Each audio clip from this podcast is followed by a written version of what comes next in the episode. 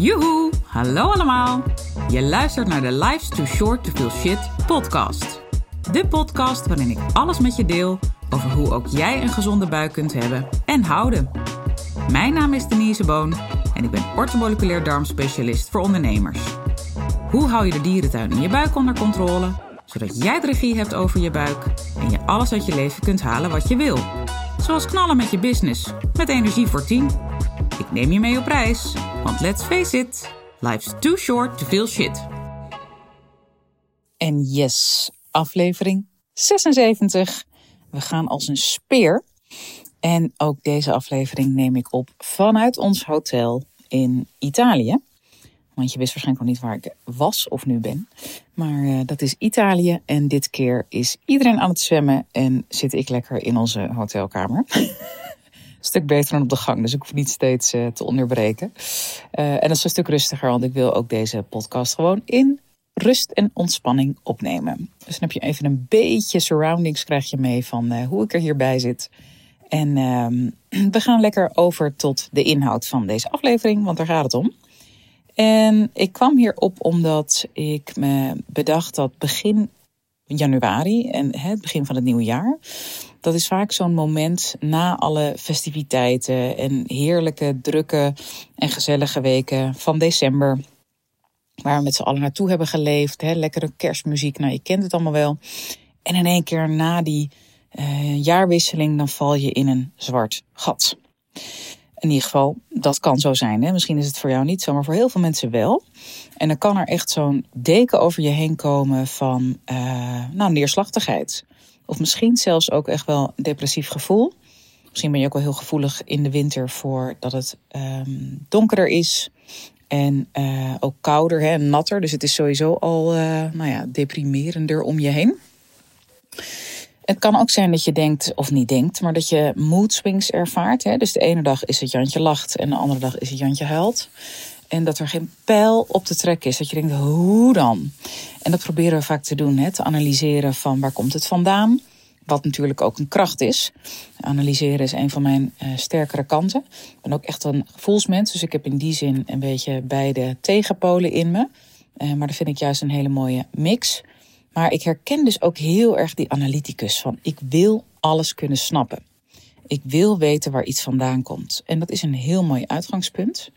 Zoals Steve Jobs altijd zei: stay hungry, stay foolish. Als je dat gevoel hebt, met wat het ook is in je uh, leven, maar zeker ook met je gezondheid, blijf zoeken, want er zijn altijd antwoorden mogelijk.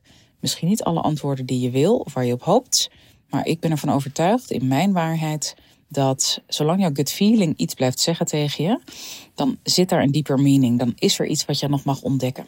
Dus blijf erin echt als een pitbull. Hou vol totdat je het antwoord hebt gevonden. Of de persoon hebt gevonden die je daarbij kan helpen. Soms hebben we een side road nodig om tot die um, hoofdweg te komen. Anyway, terug naar um, depressief gevoel en mood swings. Het kan heel goed zijn dat je dat dus herkent. En dat je het dus echt wil herleiden naar misschien wel dat ene ding wat je hebt gegeten. Van hè, heb ik dan heel anders gegeten dan gisteren, waardoor ik nu uh, die mood swing ervaar. Uh, vaak proberen we het echt terug te herleiden naar één enkel ding. En dat is het dus vaak niet. Mega frustrerend, I know. Het is vaak echt een complex gebeuren van meerdere dingen die op elkaar inhaken. En als je dan net de combi hebt van bijvoorbeeld alcohol, zoals we het in de vorige aflevering over hebben gehad. En net even dat ene glaasje, want het is zo gezellig. Of het haalt even die scherpe randjes van de dag af die kan net iets wat aan de binnenkant al aan het sudderen is, zoals een ontstekingsreactie in de darm, kan dus olie op het vuur zijn. En uh, het kan ook voelen alsof je ook met die mood swings, dat je op eierschalen loopt. Hè? Dat je denkt, nou, wanneer popt die weer op? Uh, als ik maar keurig mijn groenten en mijn dit en mijn dat eet. En geen gekke dingen drink, zoals uh, een glas alcohol, maar even een uitspatting te noemen. Eh, dan hou ik het onder controle. Hoewel je nog steeds niet weet precies wat er nou aan de hand is en wat die controle is. Maar hè, dan houdt in ieder geval binnen de, binnen de perken. Sorry. Uh, en de kans maak je daarmee zo klein mogelijk dat die moedswing komt oppoppen. En als je dan even uit de band springt, dan uh, kan het in één keer hè, voelen alsof de hele boel wordt lam gelegd. Misschien herken je dat wel. Veel van mijn klanten herkennen dat. Um, en dat is een heel irritant gevoel, want je wil niet op eierschalen lopen. Je wil niet constant op je hoede zijn van oeh, wanneer komt het? En dat maakt ook dat het ronduit frustrerend kan zijn, dat je het dus niet kan herleiden zelf, hoe goed je analyse ook is. Met eetdagboeken bijhouden, uh, wat heb je gedaan, heb ik te veel prikkels ondergaan, hè, te veel onder de mensen geweest. Goed uitchecken, ook een hele belangrijke, ontprikkelen. Zeker voor heel veel mensen. Kan allemaal ontzettend helpen, maar alsnog wil ik altijd weten wat ligt er onder de oppervlakte. Wat is de oorzaak van jouw mood swings of jouw depressieve gevoel? Kan ook een vitamine D tekort zijn. Soms is het iets relatief simpels. Maar het kan ook weer zijn, hè, want als we dan naar vitamine D tekort denken, moet ik meteen denken aan dat veel van mijn klanten uh, al vitamine D slikken als ze uh, besluiten om voor een onderzoekspakket te gaan. Dan vragen ze ook terecht aan mij: moet ik stoppen met die vitamine D? Want we gaan ook de vitamine D-waarde testen. Uh, meestal geef ik aan: het beste is inderdaad om het even weg te laten. Maar bij sommige klanten, als ze depressief gevoelig zijn en we zitten in de wintermaanden, kies ik er nog wel eens voor om te zeggen: slik die D maar door. En dan houden we rekening met de interpretatie van de uitslag uh, dat jij die vitamine D slikt. Ik kan je vertellen, ik heb het nooit nagerekend, dit is even nat vingerwerk. 9 van de 10 van die klanten komt er alsnog een vitamine D tekort uit. Hoe dan, vraag je je af. Nou, vitamine D kun je in heel veel vormen nemen. Bijvoorbeeld een geslagen tablet neemt je lichaam al sowieso minder goed op dan een capsule waar vet in verpakt zit liefst olijfolie. De meeste dragers zijn uh, zonnebloemolie, want dat is goedkoopste uh, olie om mee te werken voor de industrie. Maar goed, het is omega-6 vetzuren. Maar goed, het is relatief weinig wat er in zo'n capsule zit. Hè. We gaan geen perfectiegraad halen. Met vet innemen is gewoon het allerbeste voor de opname. Want de vitamines A, D, E en K, de ADEC, die neem je, hè, dat zijn in vet oplosbare vitamines. Dus die neem je ook het beste op als ze in vet verpakt zijn. Nu is het zo dat je lever moet vitamine D activeren. Heb je me af en toe al eens een keer horen name droppen. Dus als jouw lever op dit moment niet optimaal al zijn functies kan uitoefenen, kan het ook heel goed zijn, ook als jij dus die in vetoplosbare variant van D neemt, dat jouw lichaam die D niet goed kan activeren en dat je daardoor alsnog een vitamine D tekort hebt. Of er zijn zoveel processen in jouw lichaam die extra vitamine D opsoeperen, dat je daardoor uh, een tekort hebt. En het kan ook een relatief tekort zijn. Hè? Het hoeft niet meteen extreem lage waarde te zijn.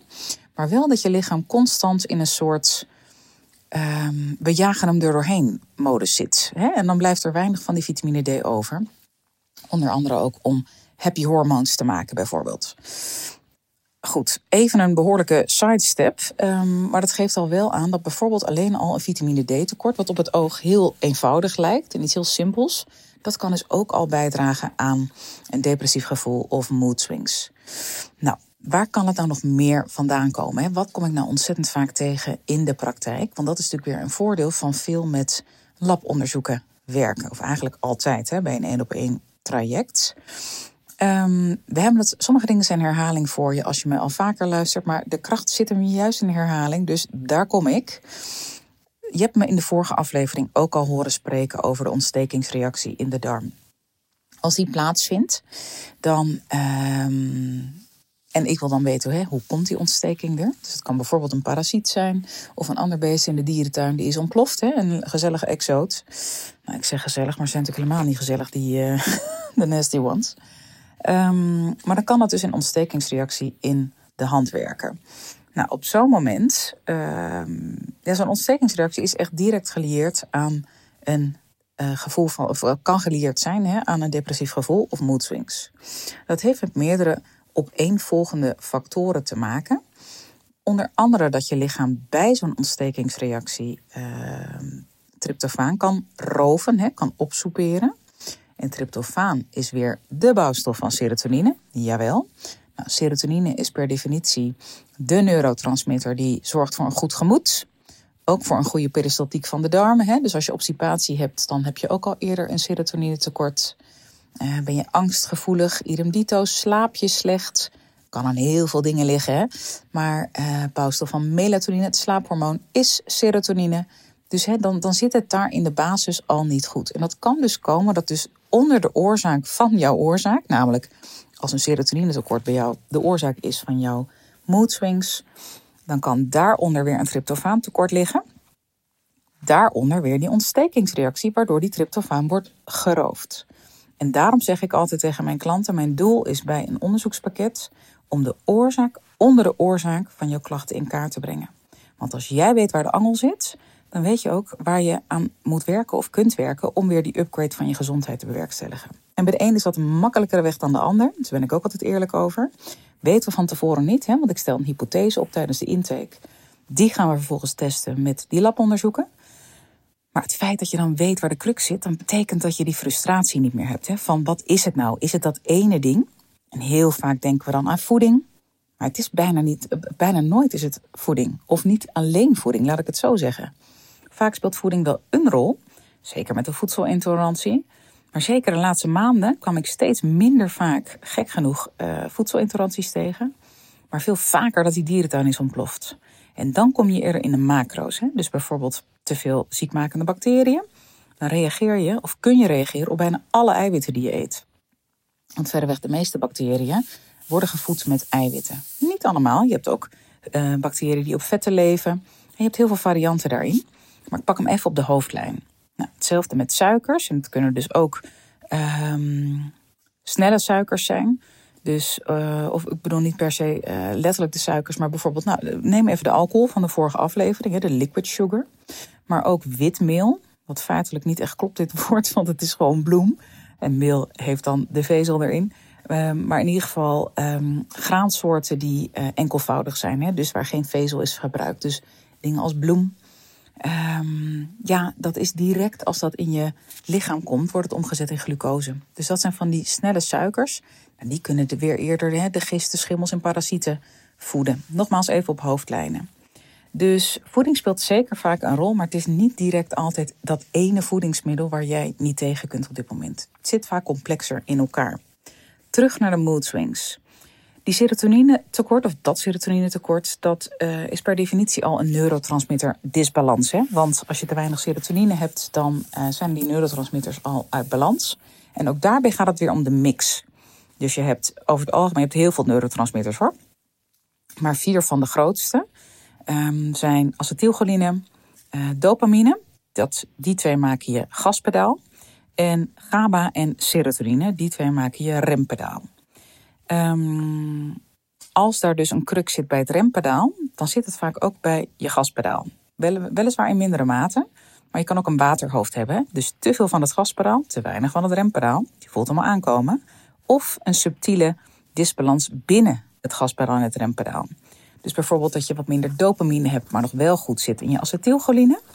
En dat je bijvoorbeeld bij uh, je rempedaal wat lager zit in je serotonine. En dat GABA het nog redelijk doet, maar eigenlijk ook al aan de lagere kant zit. Dat zie ik heel vaak. Hoewel GABA bij bijna al mijn klanten het heel slecht doet.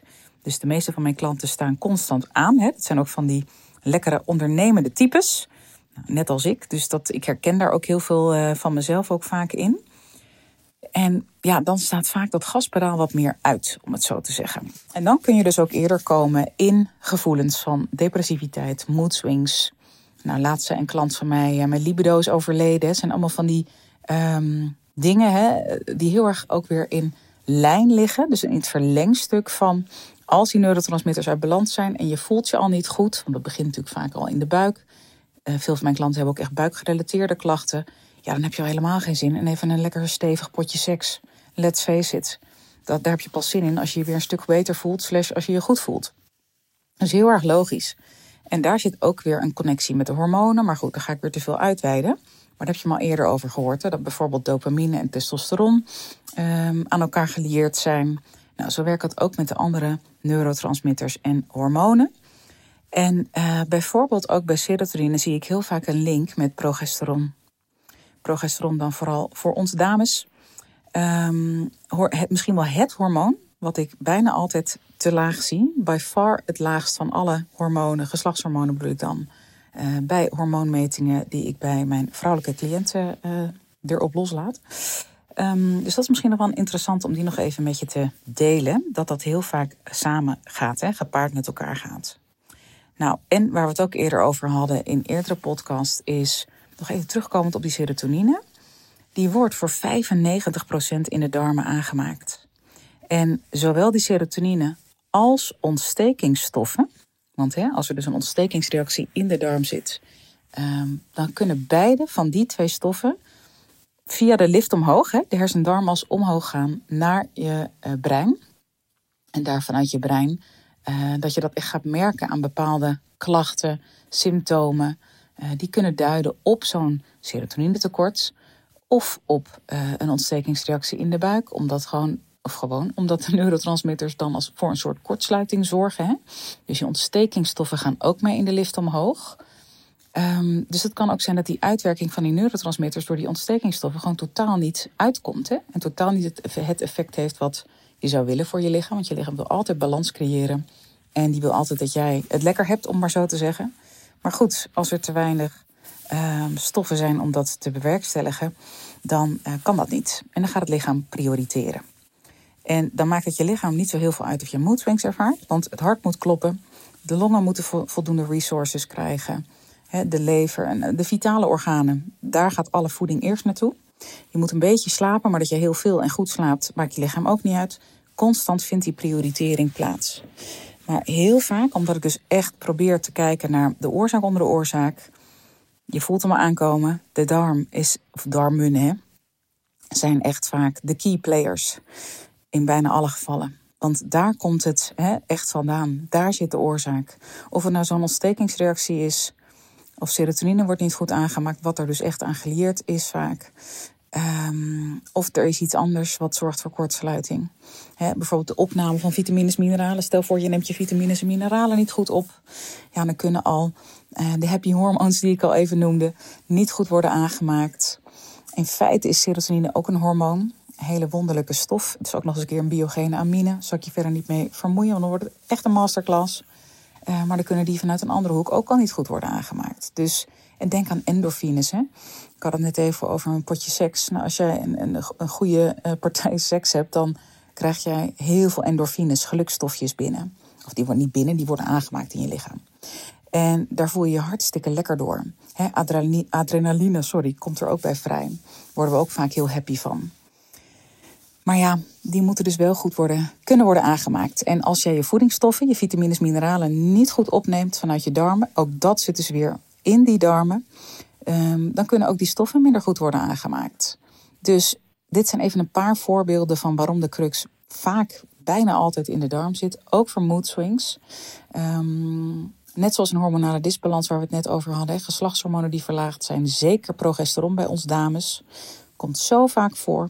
En ook daar zit een lijn met mood swings. En ook bij een geslachtshormonendisbalans zit de oorzaak in de darm. Volgens mij heb ik mijn punt nu wel gemaakt. En uh, kan ik gaan afronden. Hou hem ook nog lekker snackable, want hij is nu 17 eh, minuten, zie ik. Um, nou, ik hoop dat dit een beetje helpt in jouw zoektocht naar de upgrade van je gezondheid die voor jou uh, nodig is. En in ieder geval in het informatie verzamelen, want daar begint het bij. Zoals ik aan het begin van de podcast zei, stay hungry, stay foolish. Zolang jouw gut feeling zegt, er is iets in mijn lijf wat niet goed werkt op dit moment, wat zorgt voor mijn klachten. Wat het ook is, hè? bijvoorbeeld een depressief gevoel of mood swings. Blijf er naar luisteren en blijf zoeken naar antwoorden. Ik geloof erin dat je altijd antwoorden kunt vinden. Dus ik hou heel erg van een vindtocht, niet een zoektocht. En blijf doorgaan tot jij, totdat jij de antwoorden hebt die uh, passend zijn bij jou en die goed voelen. Waardoor jouw gut feeling niet meer tegen je hoeft te praten op dit vlak. Be inspired. Laat me weten wat je van de aflevering vindt. Daar maak je mij heel erg blij mee. En uh, nou, ik ga eens even nadenken wat ik uh, een volgende keer met je ga delen. Dag, dag. Toppers, bedankt voor het luisteren. Leuk dat je er weer was. Smaakt dit naar meer? Abonneer je dan even op mijn podcast. Zo zorg je ervoor dat je geen enkele updates mist en dat jij volledig up-to-date bent over hoe jij je buik gezond houdt with fun and ease. En als mijn afleveringen waardevol voor je zijn, laat hem dan even weten. Vind ik leuk. Je maakt me het meest blij met een korte review via iTunes of Spotify. Alleen het aantal sterren aangeven dat jij de podcast waard vindt is voldoende. Je kunt me ook taggen via Instagram. Bijvoorbeeld door een screenshot te maken van de aflevering en die via je verhalen te delen. Met beide dingen, zowel de rating als de screenshot van de aflevering, maak jij kans op een histamine maandmenu kookboek te waarde van 97 euro. De winnaar maken we bekend in de eerste podcast van de maand. Tot de volgende keer! Thank you.